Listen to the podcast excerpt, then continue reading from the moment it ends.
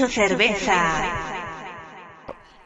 Arriba! Då hälsar vi er varmt välkomna till det tredje avsnittet av podcasten Max 2 Cerveza, Sveriges förmodligen bästa kanotpodd.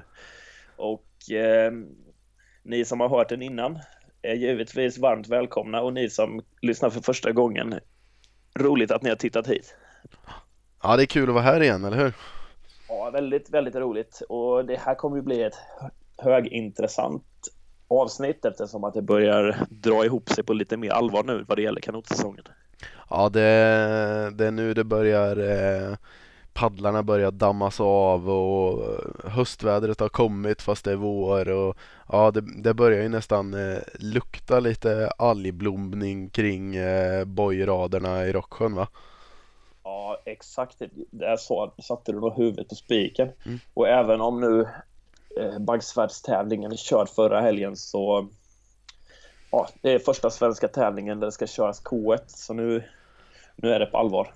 Precis, precis. Det, det känns som att det var länge sedan vi satt och spelade in förra avsnittet men det är ju bara en dryg vecka sedan här nu. Vi har ju ja. fått upp takten ordentligt. Ja, jag tänkte precis säga det att det känns som det är otroligt länge sedan och Antingen är det för att tiden går så otroligt långsamt när man inte spelar in podd. Ja. Eller så är det för att det har hänt så pass mycket annat i våra spännande liv. Ja, men jag tror det är en kombination av både och. Vi, eh, vi har ju suttit på spänning och följt Backsvard på avstånd samtidigt som vi upplevde en kul konsert i Stockholm och ja, men vi blev ju totalt obesegrade på beerpong och ja, det var ju en grym helg vi har haft här också. Ja, men det var det verkligen. Det, så det, vi har fyllt dagarna mellan poddavsnitten med innehåll. Ja, det kan man verkligen säga. Så eh, det, ja, det känns som det var länge sedan, men eh, hipp som happ så sitter vi här igen. Ja, eh, vad eh, känner du att du är nöjd med? Vi kan ju berätta lite kort vad det var som hände Max två cerveza under helgen då. Ja, men vi, vi stack ju upp till eh, Stockholm då med eh, ett eh, trevligt gäng människor och eh, ja, vi var på lite konsert med Swedish House Mafia och vi var eh, på inflyttningsfest hos eh, Mackan och Jenny då. Det är ju ganska bekanta namn i kanotkretsar så jag tror många vet vilka det är. Ehm, ja, det var väl det. Det var, det var en riktigt trevlig helg. Vi umgicks med eh, nära och kära och åt mycket eh, skräpmat och tog några öl och hade roligt. Ja men exakt. Eh, en maxad helg helt enkelt. Oh. Man kan väl säga som så här att det här gänget då som var med nu, i alla fall delar av det, ja, mellan att jag var 20 och 25 så, så utgjorde det ju nästan någon form av fundament i min årskalender att det var ett antal träffar utspridda över året. Och nu har det ju blivit lite grann glesare när man har blivit äldre. Mm. Um, så därför var det ju, ja men det var festligt att se att eh, takterna på något sätt satt i. Ja, ja det var en eh, grym helg verkligen. Det vart eh, nästan max två cerveza i alla fall. Ja, någonstans där kring. Ja, jag tappade räkningen efter två i alla fall. Ja. Det är lätt hänt. Ja, det var, uh, det var en bra helg. Men det ska ju också sägas att vi satt ju i kanotsammanhang som eh, spikade framför, uh, ja i alla fall framför Instagram och kollade på Swedish Kayak Team när man uppdaterade lite resultat nere från Wienerbrödslandet. Ja, eh, nej, men det var ett bra update-arbete som gjordes därifrån så det, vi behövde inte snoka oss in på den här danska hemsidan utan eh, Swedish Kayak Team skötte uppdateringarna på ett utmärkt sätt ja, det Instagram var där. Det var riktigt bra var det. Så då, då kunde vi se vad som hände och vad, men ska vi börja där lite nu kring Backsvard? Vad, vad var det som hände då?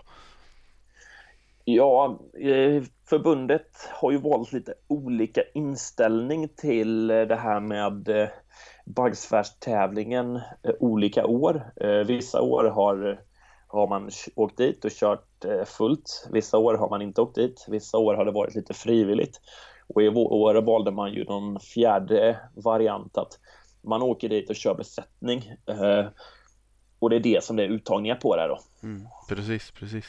Det var ju alltså det är intressant att de ändå har ändrat om så pass mycket. Jag, jag har ju känt som att det har varit ganska mycket kritik mot backsvardtävlingen. Den är, ja, man, jag tror att de flesta kanotisterna kan stå för att den är inte så förbannat rolig att köra.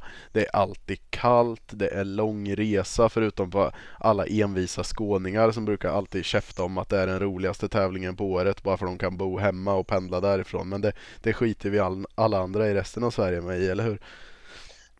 Ja, det, det är ju lätt att förbise det när man själv måste ta sig alla de där mejlen och det regnar på morgonen och de envisas med att köra första satt vid 7.30 då, ja.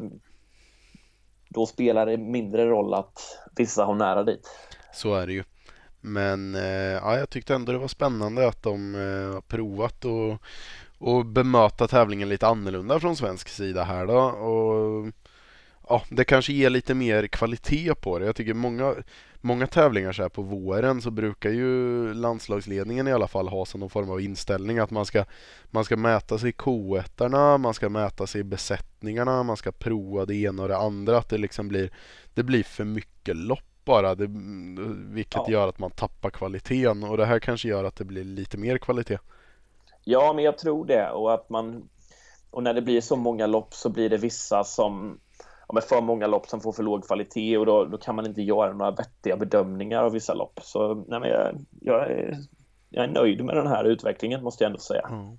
Ja, för det där är en ganska intressant fråga också kring att tävla mycket lopp. Jag vet, jag vet inte hur många gånger man har fått höra av liksom tränare och ledare framför allt, men också vissa aktiva liksom att att man ska orka köra mycket lopp. Att oj vad det, det är ett bra test att köra tio lopp på mm, fem timmar på en dag för det ska man minsann orka. Men samtidigt så de alla tävlar ju på de här svenska tävlingarna för att sträva efter att komma ut på internationella tävlingar. Och när man mm. väl är där och tävlar en internationell tävling så är det ju... Du kör man tre lopp på tre dagar. Ja men exakt, det är en helt annan verklighet. Så någonstans handlar det om att göra att man ska kunna göra ett, två, tre, kanske fyra lopp riktigt, riktigt bra på en, två dagar. Men att liksom att köra de här tio loppen bara på några timmar, det är, det är ju som, man tävlar i något helt annat än där man faktiskt har uttagning för att sen tävla i. Och det, ja, det är väl kul då att de har snappat upp nu att se lite annorlunda på saken. Ja, ja men lite mer. Eh, den här tävlingen fick lite känslan av att vara en, en världscuptävling eller vad man ska säga mm. i utförandemässigt då. Precis. Sen hoppas vi att de hade det lika kallt och jävligt som vanligt ändå. ja, eh, det får man ju nästan räkna med. Det, det var ju inte helt varmt i, i Stockholm där och man vet ju Stockholm har jag i alla fall varit i med bra väder och Bagsvärd har jag aldrig varit i med bra väder så jag gissar att det var kallt. Ja, jo men precis.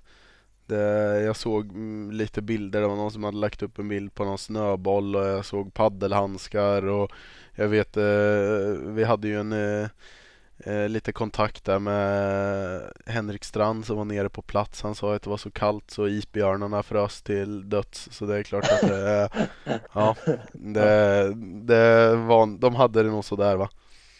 Men på tal om att, att tävla på ett helt annat vis än vad man gör på på världscuper och sådär. Mm. Eh, det är ju rätt stor skillnad att åka till Bagsvärd och tävla i 5 grader än vad det är att vara i Sägger och tävla i 25.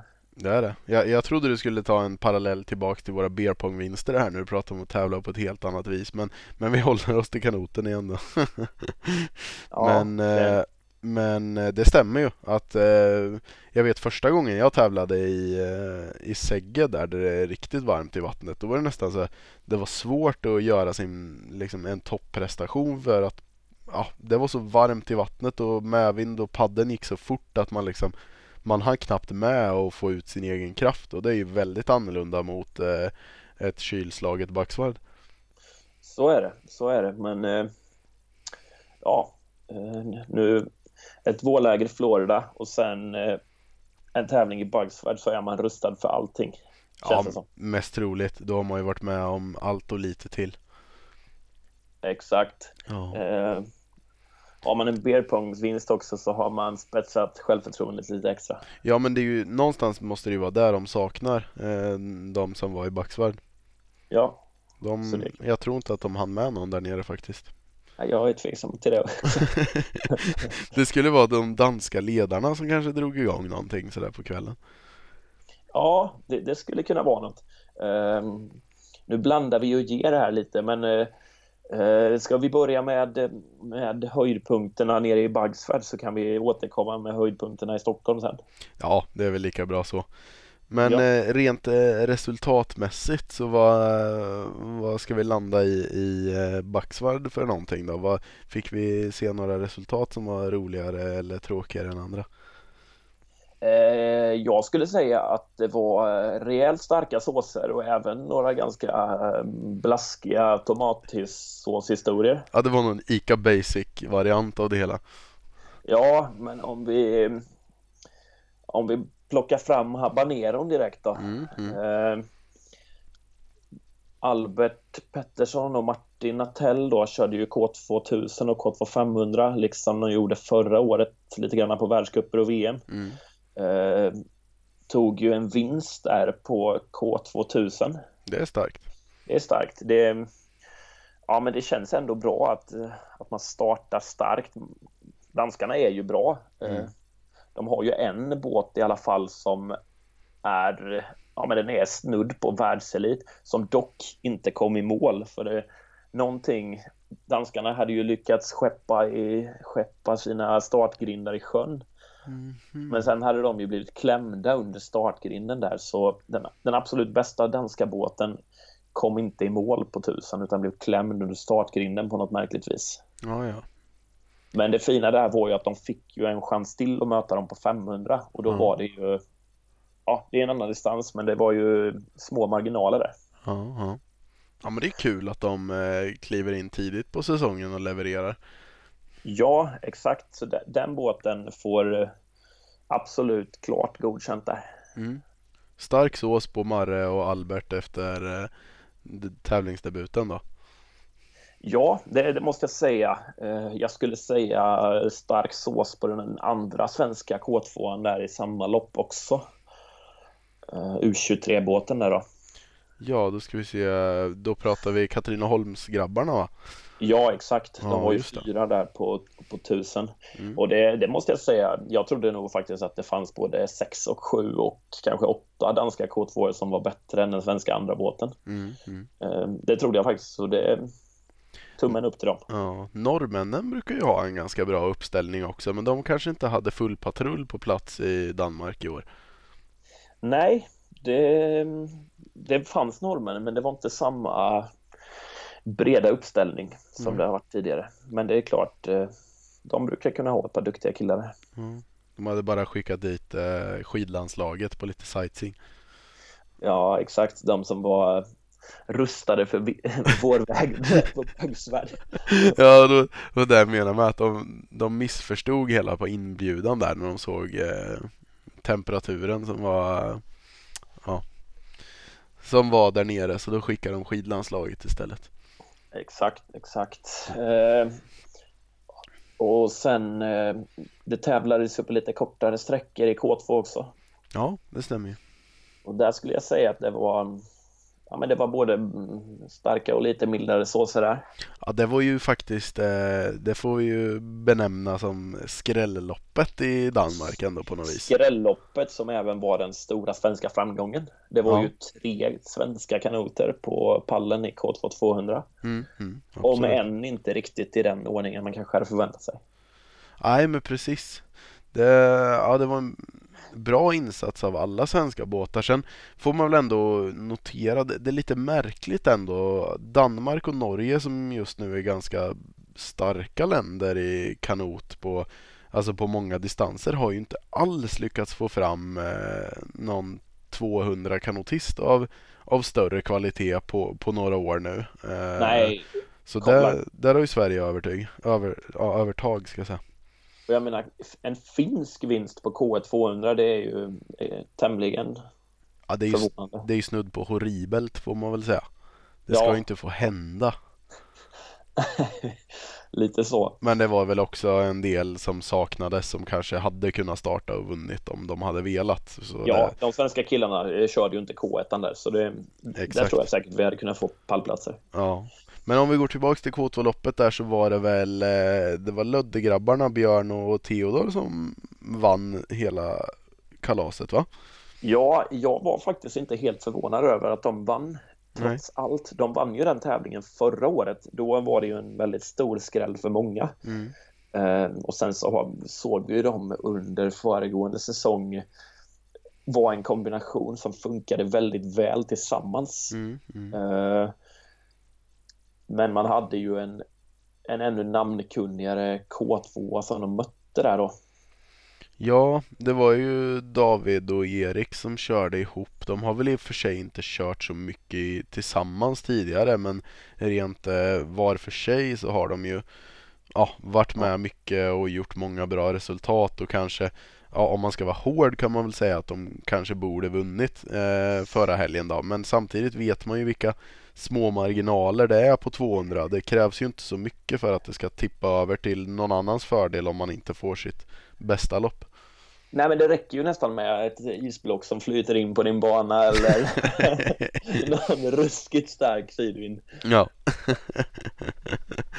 eh, ja, eh, stark, ja, stark sås på eh, Löddekanoten där som, eh, som gjorde ett riktigt bra lopp mm. och eh, vi hade nog kanske förväntat oss lite mer av, eh, av David och Erik där. Ja, men, men det, det, tror jag de hade förväntat sig mer av sig själva också skulle jag väl gissa på. Så där, där hoppas vi få se mer nästa gång kanske. Ja, men så, så kan vi säga, mm. helt klart. Eh, vi har ju inte lyckats få någon eh, ja, någon kommentar där, men eh, som du säger, det räcker med något litet för att det inte riktigt ska vara så lyckosamt. Ja, det är ju så. Det är små marginaler. Ja. Det går fort i hockey som man säger. Ja, precis. precis. Ja. Och det, men det var ju, vi ska väl i alla fall nämna att det var en svensk båt även på tredje plats va? Ja, det var ju de andra två unga killarna där då. Theo, eller Fredrik och Hugo från mm. Jönköping och Lödde. Mm. Eh, och de var ju faktiskt bara en, en viskning ifrån David och Erik, även de. Mm, mm, mm. Så, ja, det är ja. bra gjort. Ja, men det är det. Det är det. Det blir intressant att se då va? Nu har vi sex stycken grabbar där då, som eh, gjorde bra ifrån sig på K2 200 i Danmark. Får vi se vad de har att ge när man sätter sig i K1 här då till helgen. Ja, det får vi absolut eh, anledning att återkomma till lite längre fram i den här podden. Mm, absolut. Om vi pratar, oj ursäkta mig. Eh, jag har ju faktiskt gått och åkt på en liten förkylning här nu så jag får be om ursäkt om det kommer bli lite hostningar i podden här. Det får vi leva med bara. ja, jag har överseende med det. Mm. Vi får hoppas lyssnarna har det också. Ja, exakt. Ja, men eh, jag tänkte om vi ska, vi kanske ska ta K4 också innan vi går över på tjejsidan. Där eh, kördes det ju K4 500, eller hur? K4 500 och även det är ju en sträcka där det är eh, små marginaler. Mm. Ehm, det, det, är ju ett ganska snabbt lopp och just när det gäller K4 så, så är det ju så att man lätt, lite lättare håller uppe farten när man är fyra så det, det kommer vara mindre marginaler än vad det är i ett K, K1-lopp då. Mm. Uh, vi hade nog kanske ändå allra mest hoppats men kanske även trott att den svenska båten skulle vara först där. Ja, precis som du säger så både hoppades vi och trodde på det. det jag vräkte väl ur mig här på förra avsnittet att de kanske borde backa hem det där. Men eh, det, det vart ju inte så. Sen, eh, det var väl en dansk båt som vann där och det är ju, ja, de är ju duktiga danskarna med ja, så det ska man inte den, säga något om just den danska båten har faktiskt junior-VM-medalj mm, på den mm. sträckan. Men eh, ja. Nej men det, vi får väl ändå det, ja, ingen katastrof på något vis men vi kan väl stå kvar vid det vi pratade om förra avsnittet att vill man få båten till, till OS eh, via det kvalet som kommer i sommar så då, då behöver man nog komma fram ett snäpp va? Ja, men det, jag är övertygad om att det finns saker att jobba på så det kan ju finnas fördelar med att inte ha spelat ut alla sina kort riktigt än. Ja men så är det ju och sen eh, det var väl också något vi var inne på förra avsnittet här vad det, vad det kan ha för betydelse att faktiskt köra ren loppträning ihop i besättning. Ja. Nu har väl de här killarna kört en hel del träningstimmar ihop men det är minst lika viktigt om inte mycket viktigare att få de här loppminuterna ihop så sitter det något till slut. Det tror jag absolut och det är ju ett gammalt vedertaget begrepp det här med dansk vårform. Mm. Ehm, de kör ju stenhårt egentligen på, på Baggsvärd som sin stora eller enda uttagning och det har alltid varit så. Så, så danskarna är i form, det är vi nog ganska övertygade om. Ja, det tror vi på. Medan vi tror att det finns mer att plocka ut av svenskarna. Det hoppas vi. Ja, det gör vi. Vad såg vi på eh, damsidan då? Ja, jag tänker vi kan, vi, om vi håller oss till de lite längre båtarna där. Mm, um, Nu är jag väl inte särskilt övertygad om att det är någon, att man ställde ut den båten man kommer vilja köra. Nej. Men den var, ja, vi vet ju det, Danmark är ju bra på damsidan, men den var, den var långt efter. Ja. Det var ja. nästan fyra sekunder där och det Nej, det var ingen topprestation. Uh, men precis som du säger vart det väl kanske någon form av ihopplock med en icke samtränad båt, vad gissar vi på? Nej, jag tror man saknade nog dels samträningen mm. och sen tror jag att man även saknade ja, de personerna man ville ha i den kanoten. Det ligger nog någonting i det att uh, ja, det, det finns förstärkningar som kan sätta sig i de sittbrunnarna. Helt klart. Helt klart. Om vi kommer ner på K2 då? Ja, eh, man jobbar ju vidare med K2 från förra årets VM. Mm. Och, och, den tycker jag, den får godkänt mm. i mina ögon. Ja, men de kände, körde väl stabilt. Det, ja. Eh, ja, det var... Det tycker jag absolut. Bra tacosås på den.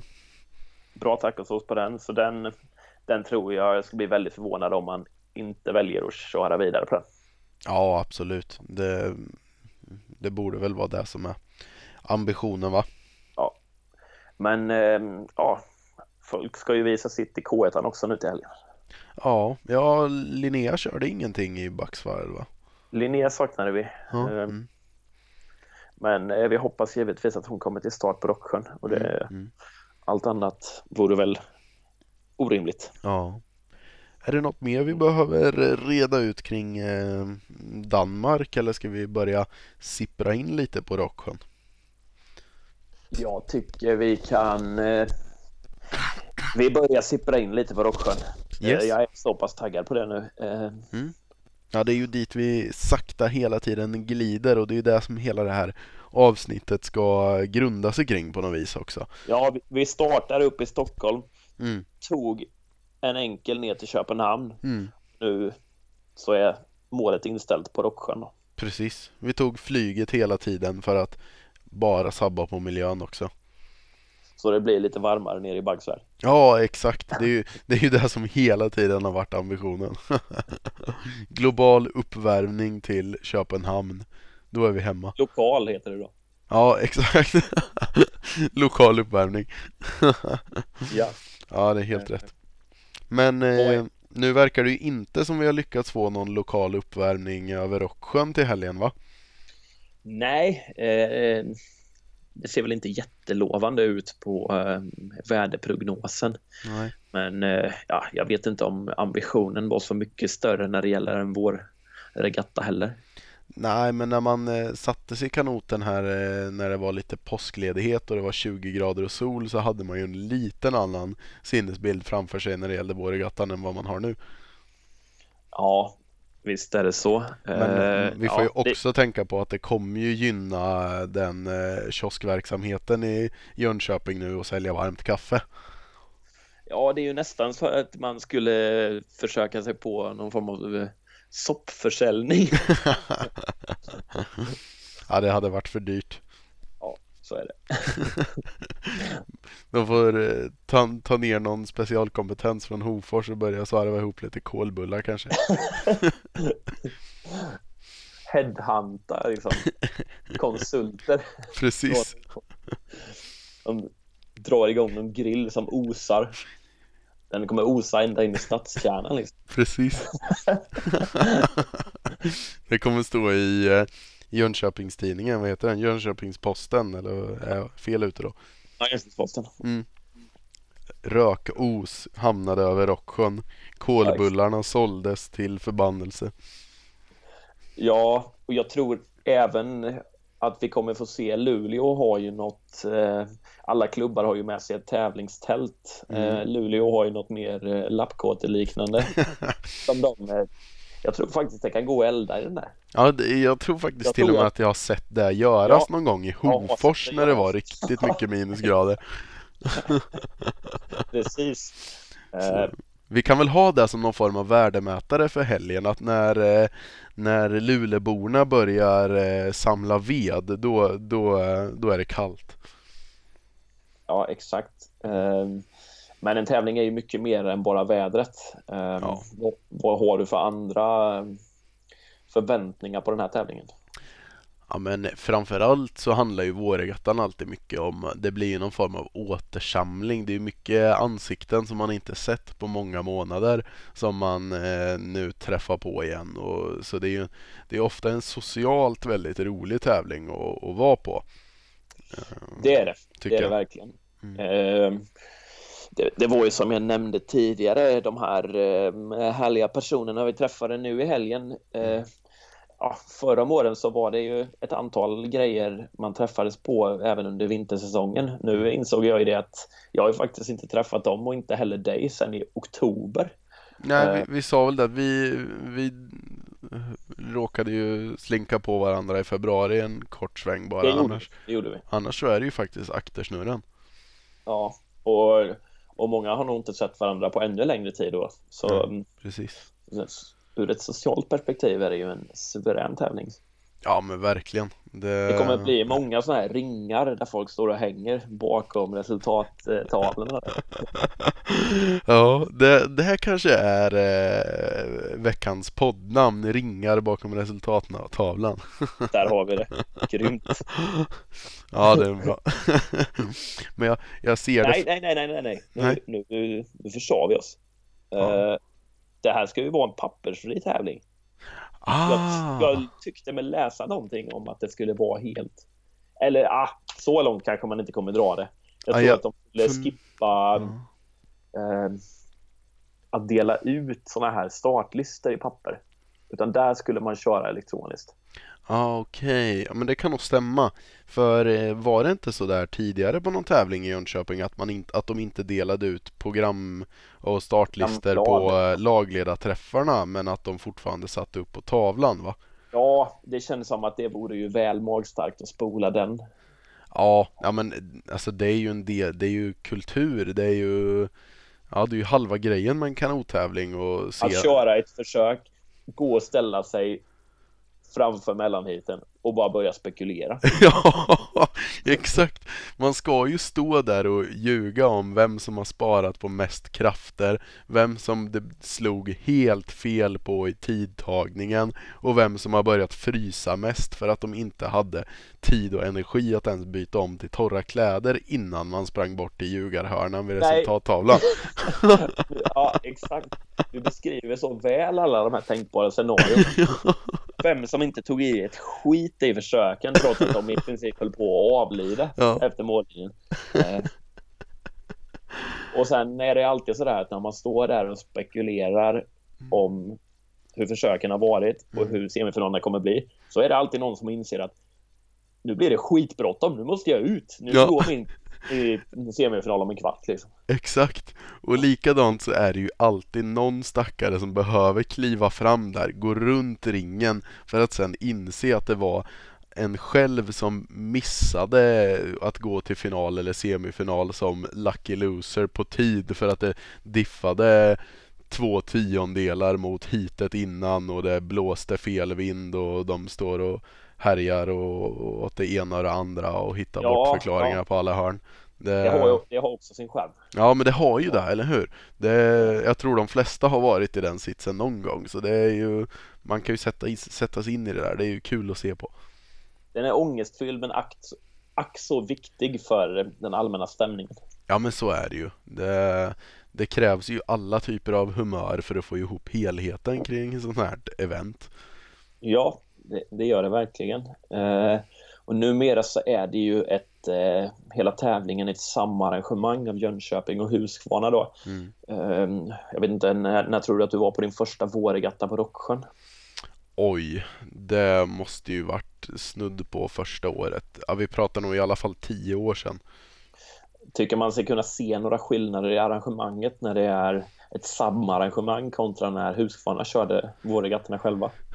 Det, det jag liksom Oj ursäkta Det jag reflekterar över på eh, så här på stört bara Det är väl att eh, kioskpriserna har gått i taket Men eh,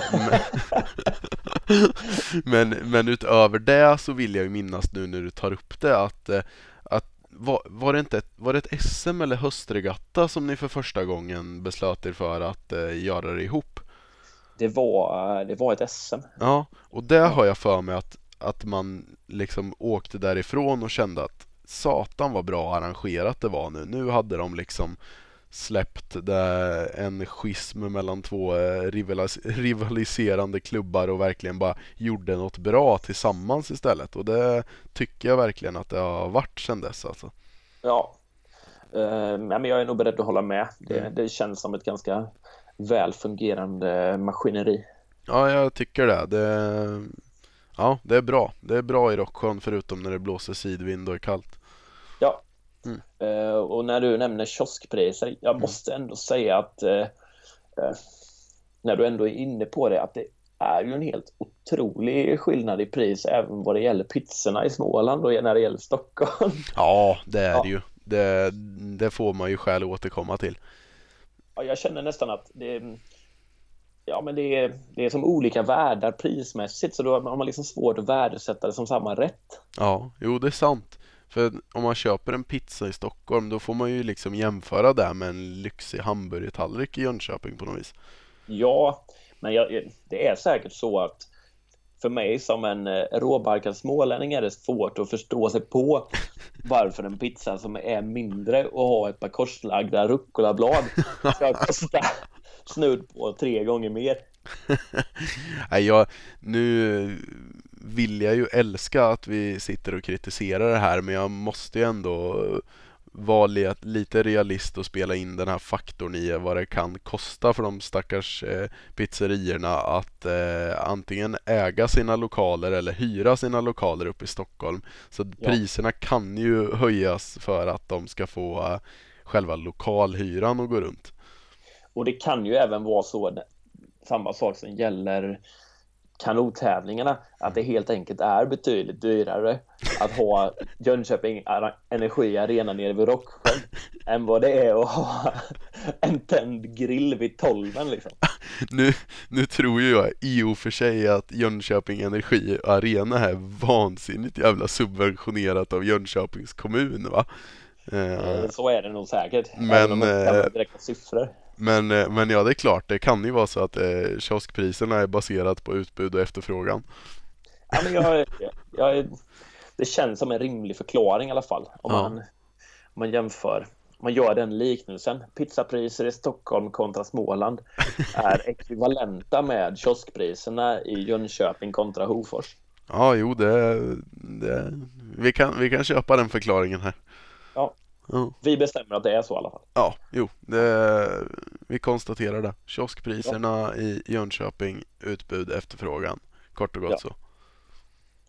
Så är det. Vad ehm, och den här nya läktaren, den, den är ju suverän att se loppen ifrån. Mm. Sen den kom så har det, ja, nej men det har ju blivit, den blev ju väldigt, väldigt bra. Man ser ju otroligt bra därifrån.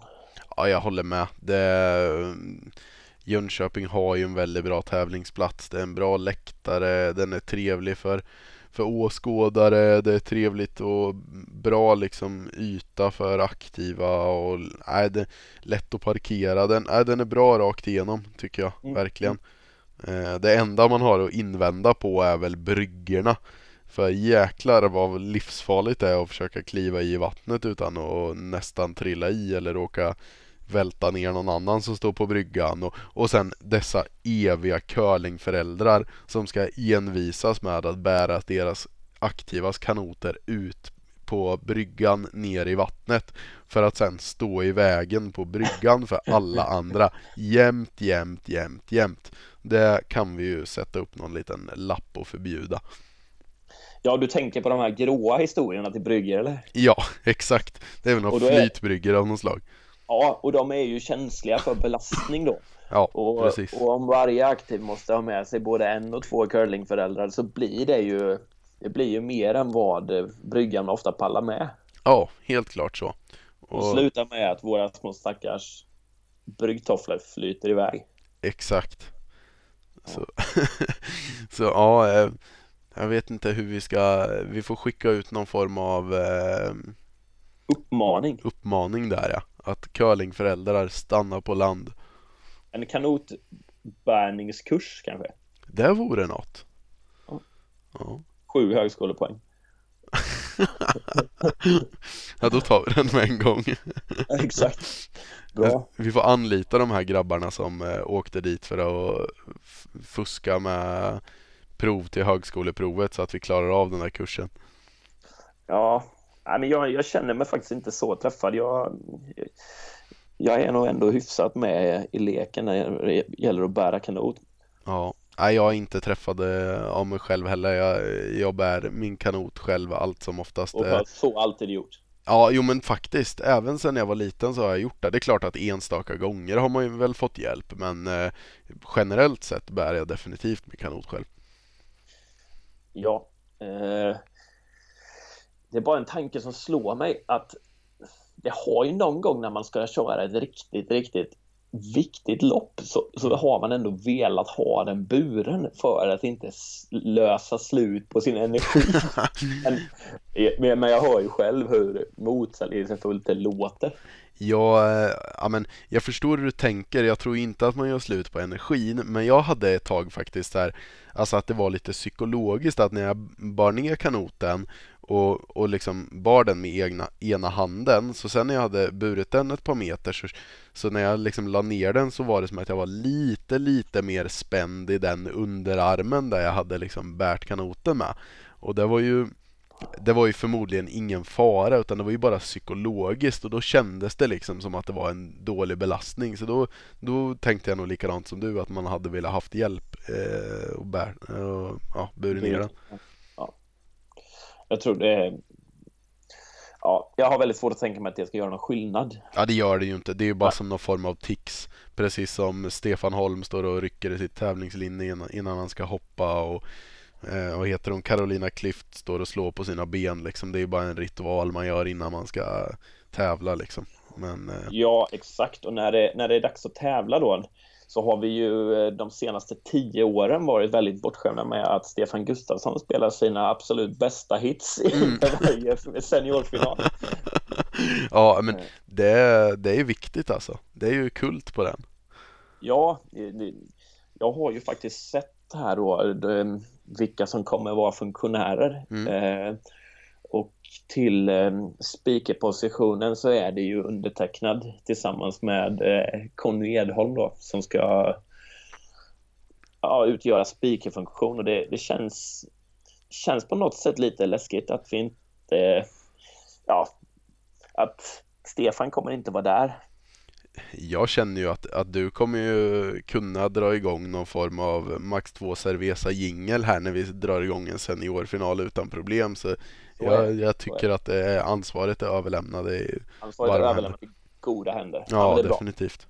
Och känner jag att eh, jag saknar det för mycket så, så får jag väl helt enkelt höra av mig till Stefan. Och ja, men gud ja. Vad spellistan heter. Ja, det är ju inga konstigheter att skicka igång en eh, vad heter det?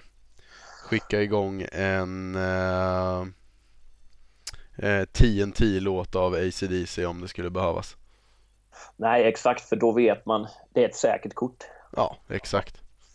Men, men det för oss ju lite grann in på eh, det lite mer resultat och tävlingsmässiga på Rocksjön. Mm, mm. Det som även om eh, de här ringarna bakom resultattavlan de sjunkande bryggorna och de höga kioskpriserna är fruktansvärt intressanta så är det ju vad som händer på tävlingsbanorna som är det allra mest intressanta.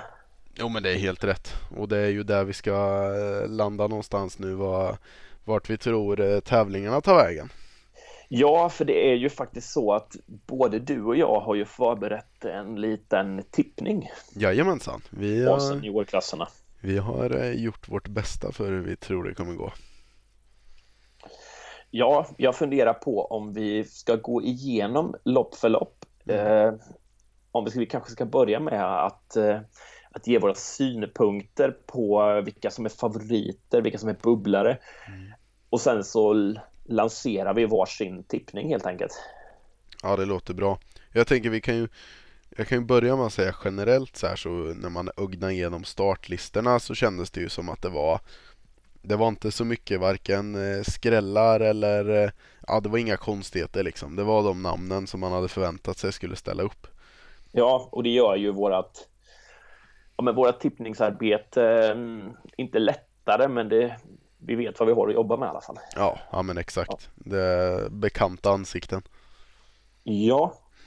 Um, ska vi börja med uh, tjejerna kanske? Mm, det kan vi göra. Uh, K1 200 så har vi ju uh, ja, vi har ju absolut världsstjärna där. Linnea tog ju ett VM-brons förra året på den mm. distansen. Ja. Uh, vi, vi har väl hennes största utmanare är ju Moa Wikberg då som har eh, ja, kört i seniorklassen i ett antal år och varit väldigt trogen i landslaget. Hon mm. också. Ja. Och som en lite yngre utmanare har vi sett Melina Andersson köra bra senaste åren. Mm, mm. Som körde K2 med Moa förra helgen. Ja. Ja, vi kan väl bara sammanfatta det på något vis att det är ju vad det gäller tippningarna kring eh, damernas lopp så är det ju de tre namnen som blir centrala på något vis i, eh, på alla distanser tror vi väl. De tror vi kommer bli mycket centrala så vi kan väl egentligen bara börja med att jag presenterar min tippning där. Mm, mm. Jag tror att Linnea kommer vinna. Mm. Eh, inte så förvånande. Som tvåa håller jag Moa där och som trea så tror jag Melina kommer vara trea. Mm, mm. Jag, eh, jag har ju kastat om lite grann då. Jag tror ju också Linnea vinner och sen tror jag då att Melina kommer tvåa och Moa trea. Um, ja, det är ju det kommer förmodligen vara jämnt och detaljer som skiljer men eh, ja, jag tror att Melina kan köra bra så att hon kan ta andra platsen där efter Linnea. Det som jag tror faktiskt kan tala för din tippning då är ju att eh, Melina körde faktiskt väldigt bra på, på tusen förra helgen i, i Bagsvärd. Eh, det säger ju kanske inte så mycket om 200-formen, men det har mer varit så att det har varit hennes minst starka sida innan. Ja. Vilket tyder på att nivån överlag kan ha höjts lite grann. Absolut så. Men jag väljer att spela ett lite säkrare kort där. Ja, Nej, men jag, jag tycker ju generellt att eh, ingen minns en fegis. Jag försöker ju sväva ut lite i tippningarna utan att behöva ha direkt fel också då. Men, men eh, ja, gå lite wildcards. Det gör du rätt i. Mm. På 500 då, då, då tänker jag så som du hade tippat 200, Linnea, Moa, Melina. Eh, ja, eh, Linnea vann ju en världscup på den sträckan förra året. Mm. Eh, som tidigare nämnde, Moa eh, har ju ja, hon har en sjunde plats från ett U23-VM där. Mm. Och Melina är ju den som har varit därefter eh, de senaste åren. Så jag har precis samma som du på den sträckan. Mm. Då får vi hoppas att det slår in då. Ja. Så vi får rätt. Och tusen då, har vi några skillnader där?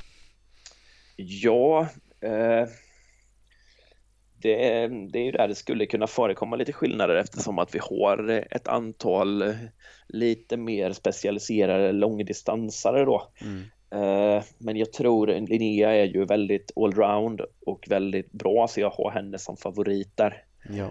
Eh, och egentligen förra året så ja, jag går väldigt mycket på förra årets resultat så jag håller jag har kört samma tippning där också. Moa som tvåa, Melina som trea. Mm, mm. Jag har ju kastat om lite igen här på tusen. Jag tror ju på Linnea som vinnare. Eh, och sen tänker jag likadant som det såg ut där nere i eh, Backsvärd att det är eh, Melina tvåa och Anja Zagorska trea. Det var, eh, jag kommer inte ihåg vad de hade exakt för resultat i Danmark men det var ju de som var Utropstecknet. Ja men det var det ju, ja. för, från svensk sida i alla fall. Eh, ja. Så jag tror att de tar andra och tredje platsen efter Linnea.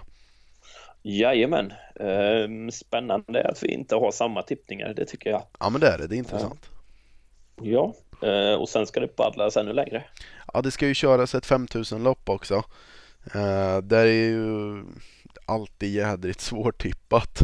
Men eh, det är ju kul också på sitt sätt att det är det. Så, men återigen tror vi på, eller jag i alla fall, på att Linnea vinner. Jag tror att eh, Moa blir tvåa och sen så tror jag att Melina tar brons. Ja, eh, det är lite fler faktorer som spelar in i ett 5000-lopp faktiskt.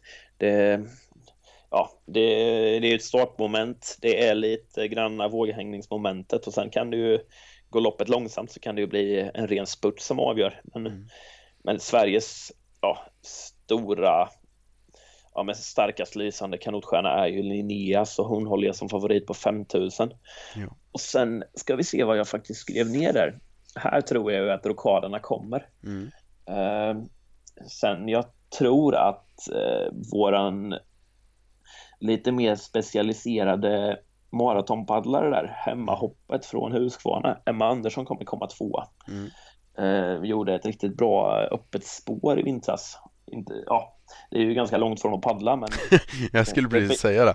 Det, det visar ju ändå någonting om formen där. Ja, jo absolut. Det, då finns det lite kapacitet i alla fall. Ja, och så tror jag Moa som trea där. Mm. Ja men det är en bra tippning. Uh, har vi någon uh, liten bubblare vi tror på? Jag tänkte uh, Julia Lagerstam kanske kan köra bra på de längre loppen i alla fall. Hon skulle kunna skrälla till lite om hon har bra form.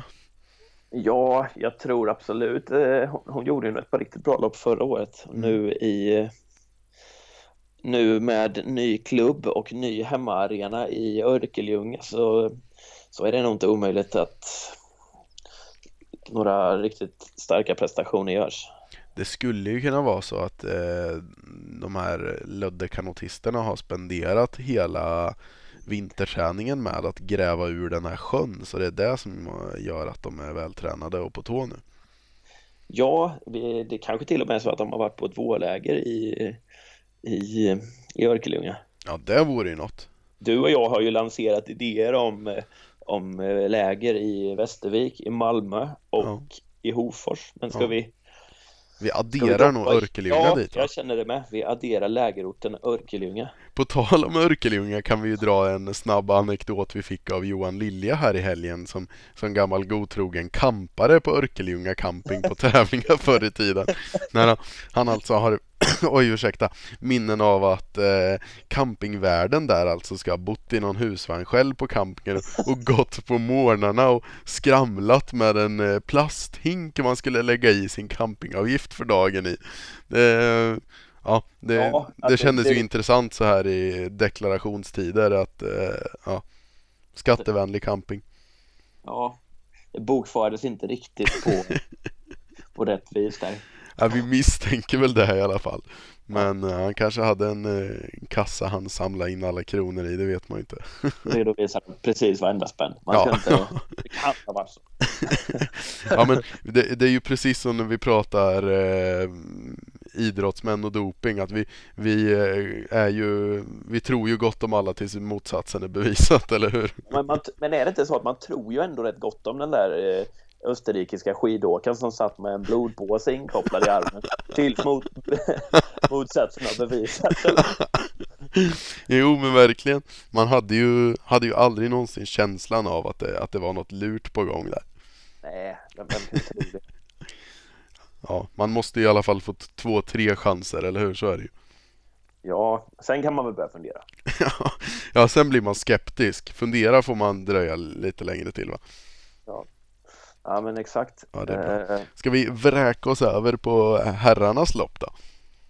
Ja, det, det tycker jag vi gör. Ehm, vi har väl kanske inte riktigt någon ehm, jättelysande På damerna har vi haft väldigt framskjutna placeringar internationellt senaste året, men mm. på herrsidan är det desto större chans för eh, rejäla rokader i resultatlistorna.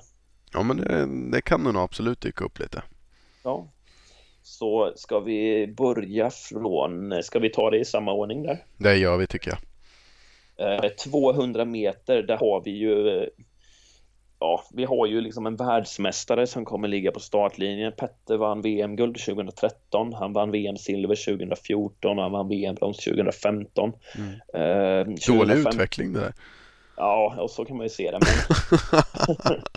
ja, 2015 eh, ja, tog han ju medalj på egentligen varje internationell tävling där då. Ja. Eh, men har haft eh, krångligt senaste åren. Ja ingen vidare bra säsong förra året och ja, det är faktiskt så att han, han kommer ju göra någon form av comeback på svenska tävlingar nu då. Ja, han har ju inte stått på en startlinje på nästan två år på svenskt vatten va? Nej, jag tror faktiskt att det är nästan så länge. Mm. Ja, inte riktigt två år, men det lär ju inte vara allt, eh, allt för mycket mindre än så i alla fall. Men eh, jag skulle säga att eh, med tanke på hur, hur, fort han har paddlat när det har gått som fortast mm. så får han gälla som en, en superfavorit. Ja men det tror jag med. Jag tror inte att det är någon annan som än så länge har kapaciteten att paddla lika fort som han kan. Nej, i Petters fall handlar det nog om hur mycket av sin ja, potential han lyckas få ut då. Ja, precis. Eh, men eh, ja, jättefavorit är han ändå, men man ska inte glömma det att det är också han som alla andra vill slå. Ja, så är det ju. Det, det är ju en sitt som han får ta, ta sig an nu i den situationen han är. Ja, och vi, vi har ju ett, faktiskt ett antal ganska intressanta utmanare där. Ja, men det finns det ju. Och där har vi ju bland annat den som körde bäst förra säsongen då i Petters frånvaro var ju David Johansson. Ja, David Johansson var ju faktiskt svensk mästare på licensen förra året. Mm, precis, eh, så det blir ju intressant att följa. Han kommer nog inte ge sig utan en kamp i alla fall. Nej, men det kan vi nog räkna med. Eh, utan han kommer nog vilja göra sitt bästa och han har ju också en eh, ja, ett facit av att vara ganska bra på vårsäsongen tycker jag ofta han har haft många år. Ja, eh, han har en lite tidig profil. Framförallt är han ju väldigt, väldigt taggad direkt när han lägger kanoten i vattnet vid bryggan och, och startar ju gärna passet med en stillastående start rätt ut från bryggan. Ja, men det är lite härligt stel i kroppen. ja, det är, då, det är då det ger som mest med de stilla starterna. Så ja, han, han är ju absolut en av de utmanarna där då. Mm. Och sen uh, tror vi väl Ja, de två främsta utöver det som vi kan nämna är väl eh, Erik Sandbacka lite tillbaks från skada nu. Vi får väl se vart han står men eh, han har ju visat förut. Eh, ja, han är väl egentligen den enda i startfältet som faktiskt har slagit Petter. Ja, jag tänkte eh, säga så. det. Han har ju faktiskt gjort det. Ja, det, det, är ju ett par år sedan men han har ju också visat då att han har det i sig. Sandbacka har ju ja, han, på ett sätt har han ju en lite liknande situation nu som Petter. Vi vet att han faktiskt, ja, han är ju en sån som kan paddla otroligt fort och har ja. ju varit snudd på världselit på K200 mm. Eh, för ett antal år sedan. Men, men det, är, det är stora frågetecken kring hur, hur nära sin egen toppform han faktiskt är. Ja, exakt, exakt. Ja, eh, med de här ryggbekymren. Sen, sen såg jag faktiskt honom skriva på, på Instagram där att han feeling stronger than ever. Så det, ja, det, för oss spekulatörer så är ju det intressant i alla fall. Ja, det, det kan ju, det skulle ju kunna betyda att vi har en tid ner mot 32 blankt och ser fram emot på, på lördag. Ja, eh, alla får hans spekulationer hoppas på det i alla fall. Ja, ja det är bra. Och sen har vi väl en, en sista utmanare vi bör nämna är väl att eh, Theodor Orban som såg väldigt på G ut förra året och vi tror väl att hans utveck utvecklingskurva har fortsatt gå framåt. Ja men lite så ju känslan med den här killen är att han har blivit eh, eh, Ja men han blir nästan bättre för varje vecka som går. Mm. Eh, och med den långa försäsongen som finns i kanot så, så hinner det ju hända grejer. Mm. Precis. På bilder vi har sett ser det ju dessutom ut som att han har fått växa i ett växthus hela vintern. jo då. Ja. han, han är nog vältränad och taggad och göra bra ifrån sig, det tror vi. Eh, men frågetecknet är hur mycket bättre eh, som, som faktiskt är möjligt att hinna bli på en säsong. Ja men så är det ju. Eh, det, det är alltid svårt att bedöma hur stora steg man kan ta. Så Frågetecken för om han kommer kunna nå hela vägen fram. Men en, en framskjuten placering tror jag absolut på. Ja, det som talar för lite att han kan ta stora steg är väl att han, han har ju varit ganska sen i åldern med att... Eh, att paddla? Ja, ja, det ska jag väl låta vara osagt och jag faktiskt inte vet exakt när han har börjat paddla men i alla fall när han har börjat tävla har ju varit eh, ja. ganska sent. Så, och det, då har han ju fått en, en utvecklingskurva som har varit skarp lite i senare år än vad många andra brukar ha. Så är det. Precis. Vad tror vi om tippningen där då? Jag kan ju säga att jag tror på Petter och sen tror jag faktiskt att eh, Theodor tar silverplatsen och sen tror jag att Davve lyckas greja bronset där. Uh, ja, där skiljer det lite grann. Uh, Petter håller jag som favorit där. Det, det känns orimligt att göra något annat. Och sen som tvåa där, då har jag ju Sandbacka. Mm, mm. Med vetskap om vilka tider han faktiskt har gjort tidigare. Ja. ja, och som trea där håller jag ju uppstickaren Theodor. Ja, ja men det är, det är en bra tippning. Ja, det är kul att vi tänker lite olika. Ja, men det är det. det, är det. Um, så får vi se vem som uh, har rätt när det väl kommer på plats där på, på lördag blir det då. Ja, precis, precis. Det kan ju kännas lite lustigt att lämna David utanför pallen. Men vi, vi har ju inte jättemycket material att jobba med och då, då, då blir det egentligen, vi får kolla på den Bagsvärd-tävlingen som har gått. Ja, och sen ja vi måste ju få chansa lite, vara lite... Järva. Precis, kolla utanför boxen. Rätt vad det är så slår det till men eh, ja, det blir spännande att se. Ja, ja. Om vi gör loppet två och en halv gånger så långt, K1 500 då? Mm. Um. Vi, vi, glömde ju gå in på den coolaste detaljen vi har på 200 i år. Ja, vi har ju såklart en tilläggstippning på K1 200. Ja, exakt. Vad är det för någon tilläggstippning vi har att göra med då? Ja, det är ju så att Max 2 Cerveza kommer ju inte bara vara representerade i eh, speakertornet utan givetvis även på tävlingsbanan. Om jag tar speakertornet och du tar tävlingsbanan då? Ja men eh, precis, jag har ju tagit på mig ansvaret att vara utsänd reporter på, eh, på 200 distansen här nu. Så... Det tycker jag är ett extremt intressant ja, tillskott till startlistan. Ja, så ja, vi får väl se vad jag, vad jag har eh, i kroppen och ger. Jag har ju inte jag är ju ett oprövat kort för tillfället men eh, ja, det blir spännande att se om jag, om jag kan ta mig till final kanske. Min tippning i alla fall på Jesper Mellvinger tävlandes för Max 2 Cerveza och eh, Finspångs kanotklubb är sexa. Mm. Ja, den den tar jag emot med eh, som en komplimang faktiskt. Jajamän. Jag, jag vågar ju knappt tippa mig själv. Jag vet inte om jag ens ska ge mig an på det här. Det kan ju bli så himla pinsamt. Frågan är om, om den hade varit godkänd i ett riktigt spelbolag.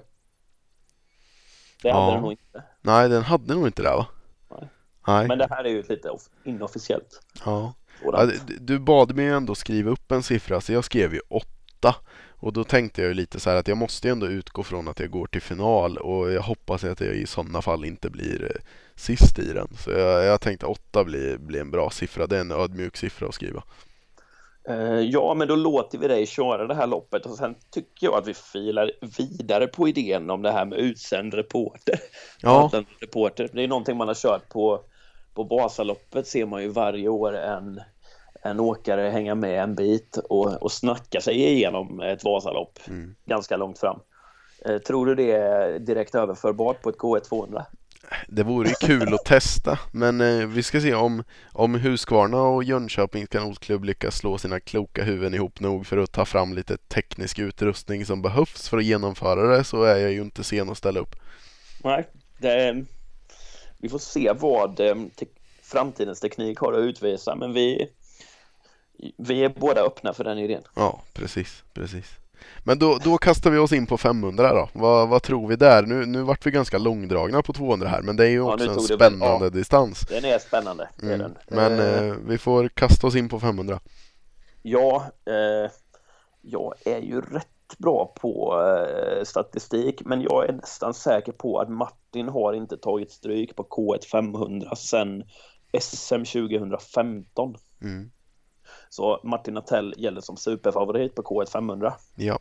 Eh, jag tror att tvåan där kommer vara hans K2-kollega Albert Pettersson. Mm. Han, ja, han fick ju i alla fall visa upp sig pytte, pytte, pytte lite i K1 förra helgen. Ja.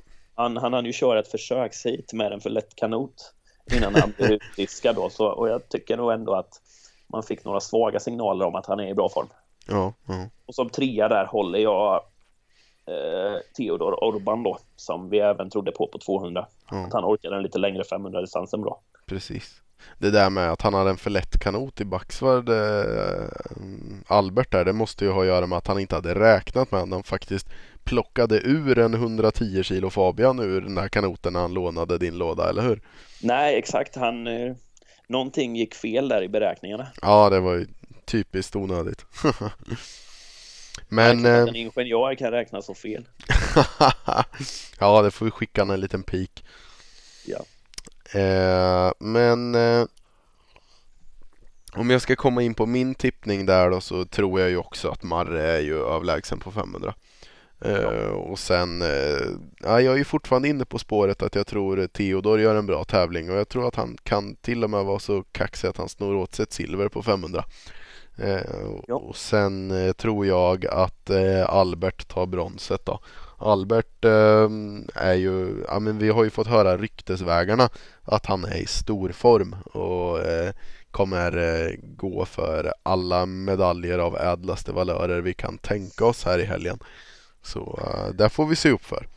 Det får vi absolut göra, han och ett flertal till. Absolut så. Och då kliver vi upp på 1000 meter sträckan där och och där, eh, ja, Martin Natell är ju obesegrad sedan några säsonger tillbaka så det, det känns eh, svårt att inte hålla honom som en superfavorit där. Så är det ju. Eh, sen är det ju de som har prenumererat på andra platserna där är ju i ganska stor utsträckning Jocke Lindberg. Mm. Däremot tror jag att det kommer ske en liten rokad där Mm. Eh, Jocke har lite mer förskjutning mot maraton numera så att jag tror Albert blir tvåa och Jocke Lindberg kommer bli trea. Mm. Ja, jag tippar ju faktiskt exakt likadant på tusen som du.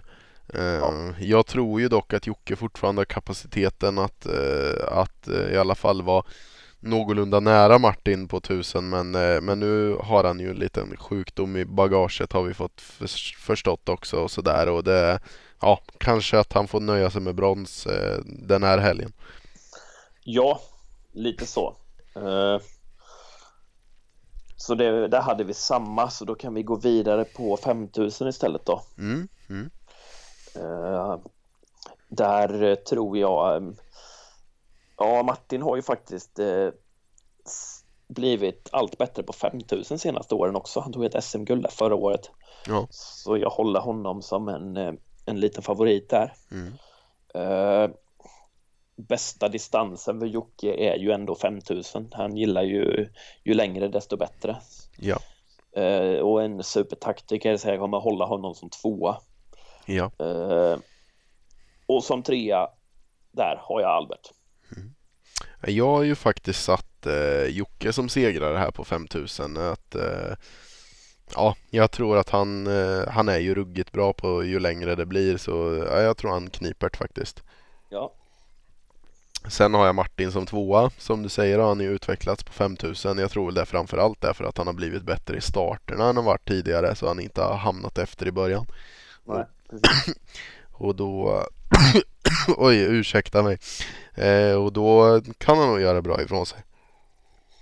Ja. Sen eh, tror jag ju att bronsplatsen kommer sno åt av eh, Honken tror jag på. Honken som numera eh, Luleå-kanotisten som mm. körde K4 förra helgen. Mm. Eh, ja, men han har gjort ett par framskjutna placeringar på 5000. Eh, han, eh, han extremt höga toppar och ibland väldigt låga dalar på den mannen. Mm, mm. Eh, det, och, så är det ju, men... Och gott och ont. Det gör att han alltid blir intressant när han kommer till start. Man... Exakt, man vet aldrig riktigt vad man ska få när Honken kommer till start. Nej, men det... där man kan vara säker på att man kommer få några sköna anekdoter och jädrigt stora underarmar bara. Ja, exakt. Resultaten kan vara allt mellan den hetaste tabascon ja. Till en fettfri keso liksom. Men, men, man vet att humöret kommer alltid vara med honom i alla fall. Ja, exakt. Så vi, eh, vi hoppas ju hårt på att eh, Honk går bra till helgen. Ja, men kom ihåg, allt kan hända i Paradise Hotel. ja, vi får se vem som blir hemskickad i parceremonin efter 5000. Hemskickad ja. i prisceremonin kanske vi ska köra. Det är ju ja, Luleå-kanotisterna brukar ju snabbt bli hemskickade från prisceremonin eftersom de har mer än 10 mil att åka. Ja, men det är lite så. Mm. Eh, det är alltid någonting som kniper med någon transport någonstans när de ska upp till Luleå. Precis. Ja. Så ja, vi får se vem som blir eh, hemskickad i nästa prisceremoni på Rocksjön i helgen då, helt enkelt. Ja, eh, en sak som faktiskt vore intressant är att se om några av våra trogna eller nya följare tror sig kunna tippa bättre än vad vi gör. Det hade varit spännande att se faktiskt. I så fall får de jättegärna skicka ett direktmeddelande på Instagram där så kommer vi efter helgen säkert utröna vem som har haft mest rätt. Precis, och då, ja, det vore intressant att, att se faktiskt om det är någon som kan, kan vara bättre än oss. Det är, det är jag ju tveksam på va? Ja, jag är ju högst tveksam, eh, men eh, ja, hör gärna av er om ni har något sånt på lager. Ja men det tycker jag. Det, det kanske rycker i eh, Instagram-handeln lika snabbt som om ni tog en bild på en avokado nu. Så det, vi får väl se om det haglar in tips här nu under, under kommande dagar. Ja, det kanske är så att det, det är något, något med det här med tippning som gör det lika spännande. Vi får se. Ja, det vore ju kul att höra. Kommer vi se något kul på läktaren här då till, eh, till helgen? Får vi några ja. original till supportrar som kommer ner? Det är en intressant fråga. Mm. Eh, vad är, hur ser den hur ser den standardiserade kanotsupporten ut? Ja, jag eh, kan ju bara tänka mig att i, varje år brukar väl, eh, brukar väl ändå Kurt Lyckner dyka upp någon gång i Jönköping och eh, det ryktades ju som sagt om shortsväder så det kanske vi kan få till även nu i helgen. Det ryktades alltså om shortsvädret. Det, ja. är alltid, det är alltid väder för att vara Dobson-shorts. jo men det är ju det. Men blir det, blir det mm, shortsväder så, så tror och eh, hoppas vi att han visar lite närvaro med ett par Dobson-shorts. Ja, men det, det litar vi väl nästan på? Ja, mm. det gör vi. Um, vi kommer väl även, vad kommer vi få se mer för spännande karaktärer? Ja, det, det dyker ju säkert upp något oväntat men uh... vi, våra förbundskaptener och landslagstränare kommer säkert stå och lägga pannan i djupa veck. Ja, alltså frågan är ju om inte det ändå är eh, något som kan ge eh, mycket vinning till den här småländska kiosk, eh, kioskverksamheten är ju att eh, Peken lär ju vara som parkerad på läktaren med någon, någon, eh, något bakverk i handen. Ja, men han, han har all anledning att stå där. Mm. Så är det. Absolut. Mm. Frågan är egentligen vad, vad har man att förvänta sig? Vad vill man ha ut som en förbundskapten inför den här tävlingen? Vill man att, att resultaten ska gå precis i lås med vad man har förväntat sig? Eller tycker man det är kul om det blir några totala rockader? Det mycket beror ju på vad man, vad man tycker om, eh, alltså om prestationerna på sin trupp när man kliver in till tävlingen. Och jag mm. tror väl ändå att, nu tror jag ju för sig att eh, Peken är jättenöjd med de aktiva som är, är aktiva, men jag tror ju att han gärna hade sett att eh, att det är några stycken som överträffar förväntningarna för att få upp den totala kvaliteten på det svenska landslaget. Ja, precis. Eh, även om det tillfälligt kan ställa till lite grubblande och lite problem att, eh, att det sker oväntade resultat så kan ju de här, ja, eh, de som överträffar lite kan ju stressa sina konkurrenter och på så sätt höja den totala nivån. Ja, precis. Ja. Frågan är ju om eh, Danny Halmén kanske slår till med något brakresultat för att ta sig tillbaka in i sprintlaget ja, satsningarna har varit många. Ja. Eh, kanske inte så långa, Nej. men ja, eh, jag ska ta och syna resultat, startlistorna lite mer noga. Mm. Så ska vi se om, eh, om Danny Halmén kan Samtidigt ja. måste vi säga att eh, förbundskaptenerna har ju försvårat skrällmöjligheterna på Vårgatan genom att ta bort mm, testloppen. Det har de gjort. Absolut. För det är ju där man ändå har som störst chans att kliva in som eh, ja, utombörding från landslaget och, och göra något lite oväntat. Precis, precis. Ja, men som du säger där, Danny Halmén hade säkert varit sugen på den. Ja, men eller hur? Och eller många hur? där till. Ja, men verkligen. Det, det hade funnits eh, utrymme för lite skrällar då, men eh, icke den här gången. Nej, det, lite trist att vi inte får se testloppen, men som du och jag diskuterade innan så ja, det, det hade nog trots allt blivit väldigt många lopp och på så sätt eh, ganska långt från en, en normal tävlingshelg. Ja, jo men precis, precis. Det, det blir lite överbelastning så jag, jag gillar ändå intentionen att de har lagt testloppen annorlunda även om det hade varit kul att se lite på Rocksjön också. Ja, precis, precis. Mm. Bra, jag tänker ja. vi kanske ska börja närma oss sista punkten och runda av här. Jag känner att eh, lyssnarna kommer snart eh, bli av öronbedövade av mina dåliga hostningar nu i hörlurarna här men eh, jag är inte säker på att din eh, kraxiga hals klarar av sådär fruktansvärt mycket mer. Men, Nej, eh, det är nog så. Så vi kanske får eh, slida in på eh, sista punkten här. Ja, sista punkten som kan vara lite, lite läkande för din hals till och med kanske. Det tror jag definitivt den är. Det känns som eh, ja, någon krykur av någon slag. Ja, absolut, och då är det ju inget mindre än eh, programpunkten Två Cerveza som ska avverkas. Den gillar vi ju. Den gillar vi skarpt. Um, och jag kan ju, nu har vi ju gjort så att första veckan så var det jag som presenterade, ja vi kan väl börja med om vi har några nya eh, lyssnare presenterat. Som namnet på podden antyder så kommer vi ju varje vecka presentera två stycken Cerveza som på något sätt är representativa för oss och de spektakel vi har gjort sista tiden. Precis. Uh, första veckan var det jag som presenterade två, andra veckan var det du. Mm. Men vi, vi, vi kan ju tipsa om att jag har fått högst betyg hittills av flera anonyma insändare. Ja, av några riktiga uh, Instagram-kännare så har du fått helt klart högst betyg. Ja. Vi uh, fick någon... Framförallt fick ju jag ett väldigt lågt betyg av Daniel Almén. Ja, det, det, var ju en ren, du vart ju totalratad till och med sågad längs med fotknölarna. Ja, jo, det, det, din enda möjlighet att ge igen lär ju bli på uh, i speakertornet till helgen. Ja, det, det är nog så. Det, mm. Jag måste verkligen överleverera det. Ja, jag tänker det. Ja.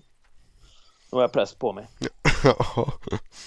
Men ska vi börja med att jag helt enkelt presenterar min? Ja, vi tänkte att vi skickar på en varsin öl här idag, så börja du. Ja, men under våran härliga tripp uppe i, i Stockholm då så fick jag ju äran att besöka ölbutiken tillsammans med Jesper då. Och han kan nog faktiskt ha haft en liten inverkan på mig. Ja, alltså det var ju en, det var ju en intressant eh, glasbanksrunda vi tog där för det, vi, vi hade ju våra duster kring vad vi skulle handla. Ja, vi var ju, vi var ju som ett gift gammalt par. Vi var ju absolut inte överens. det, det var vi inte. Men eh, jag, jag valde ju ändå lyssna lite grann på vad du hade att komma med och så tog jag även i beaktning att det verkligen var fest på riktigt när det här härliga gänget var samlat för första gången på ett halvår. Precis. Eh, och, och en, en härlig ja, men en liksom lite maffigare helg på gång. Ja. Så jag valde att gå på samma typ av cerveza som jag gjort tidigare. En, en ljus härlig öl, mm, lättdrucken mm, sådan. Mm. Men avancera till något av lite högre kvalitet. Så eh, min cerveza den här veckan är en, eh, en Peroni på glasflaska. Ja, men det är, det, är, det är gött ändå att du noterar att den är på glasflaska också för det, det är ju fint. Ja, och jag, jag måste säga att eh, eh, att jag avancerade lite granna där, det, det var absolut värt det. Det var en, en riktigt trevlig dryck. Ja, de, de är klart godkända Peronin. Det ska man inte klaga på. Vi får se om betyget blir bättre den här gången. Ja, exakt. Nu, nu är det lite intressant här när vi, får, när vi skickar ut en varsin för då blir det ett väldigt eh, head-to-head test här om vad, vad folk röstar på. Ja, verkligen, verkligen.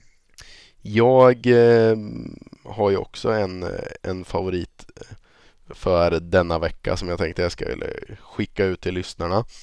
Och då tycker jag att det ska provas en Brewdog Punk IPA.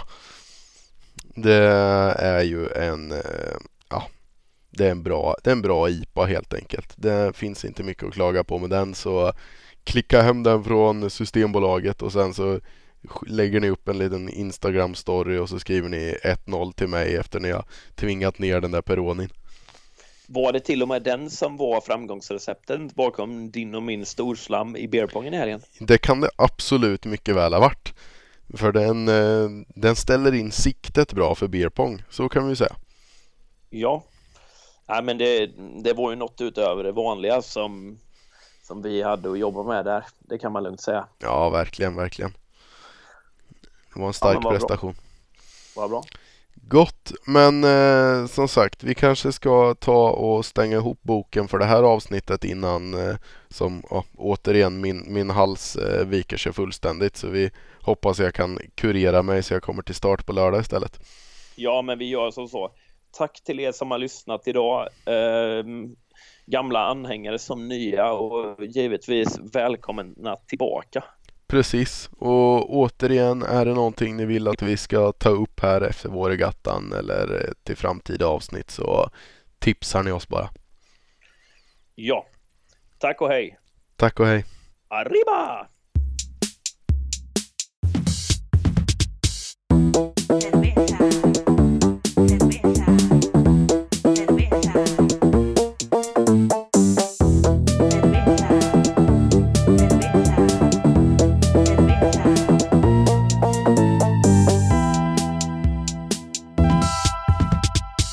Rodrín, tu mucho cerveza.